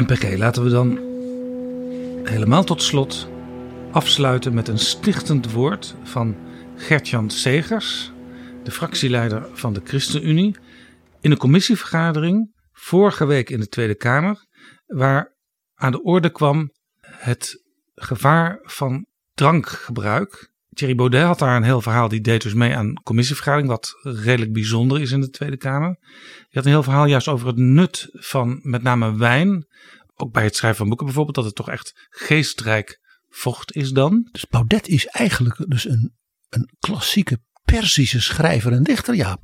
Denk aan Hafiz. Denk aan al die prachtige dichters in het oude Iran. En Segers die zet daar dit tegenover. Alcohol, dat leidt echt tot, tot, tot heel veel tranen. Veel meer tranen dan tot, tot vriendschap. Ehm, eh, ik ben niet in de positie om u pastoraal toe te spreken, maar ik zou er bijna toe eh, eh, geneigd zijn. Matig echt, echt, doe het niet. Eh, en dan wil ik toch inderdaad ook, dan wil ik toch ook nog een schriftwoord. Eh, ik word nu echt expliciet uitgedaagd op mijn christelijke eh, basis. En ehm, in Efeze 5 eh, staat, vers, vers 18 zelfs weet ik uit mijn hoofd, staat de tegenstelling wordt niet vol van wijn, maar wordt vol van de Heilige Geest. Net leek de heer Baudet die twee op één hoop te gooien. Dat je heel veel geest hebt als je heel veel drinkt. Paulus die onderscheidt heel nadrukkelijk. Drink nou niet te veel, want dat leidt tot losbandigheid. Maar wees vol van Geest. Dat is wat hij zegt. En dat is mijn pastorale woord aan de heer eh, Baudet. Maar Gert-Jan Segers kent het heilige boek zo goed dat hij ook weet dat het eerste wonder van onze heiland en verlosser Jezus Christus is bij de bruiloft te Cana. Want wat doet Jezus dan? Die verandert water in wijn. En de man die het feest organiseert, die proeft die wijn. En die zegt dan, waarom hebben ze deze prachtige wijn tot het laatst bewaard? Meestal schenken we zoiets alleen aan het begin en daarna een beetje plonk. Dus die verwijt deze jonge rabbijn dat hij te goede wijn heeft gemaakt. Dankjewel, PG.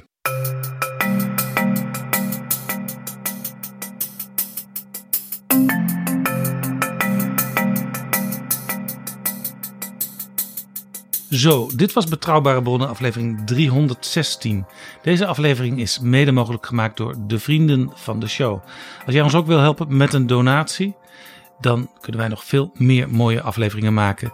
En dan gaan we eh, ook weer met Betrouwbare Bronnen vrolijk het nieuwe jaar in straks. Vriendvandeshow.nl slash bb. Daar kun je terecht als je ons wil helpen. Proost Jaap. Tot volgende keer.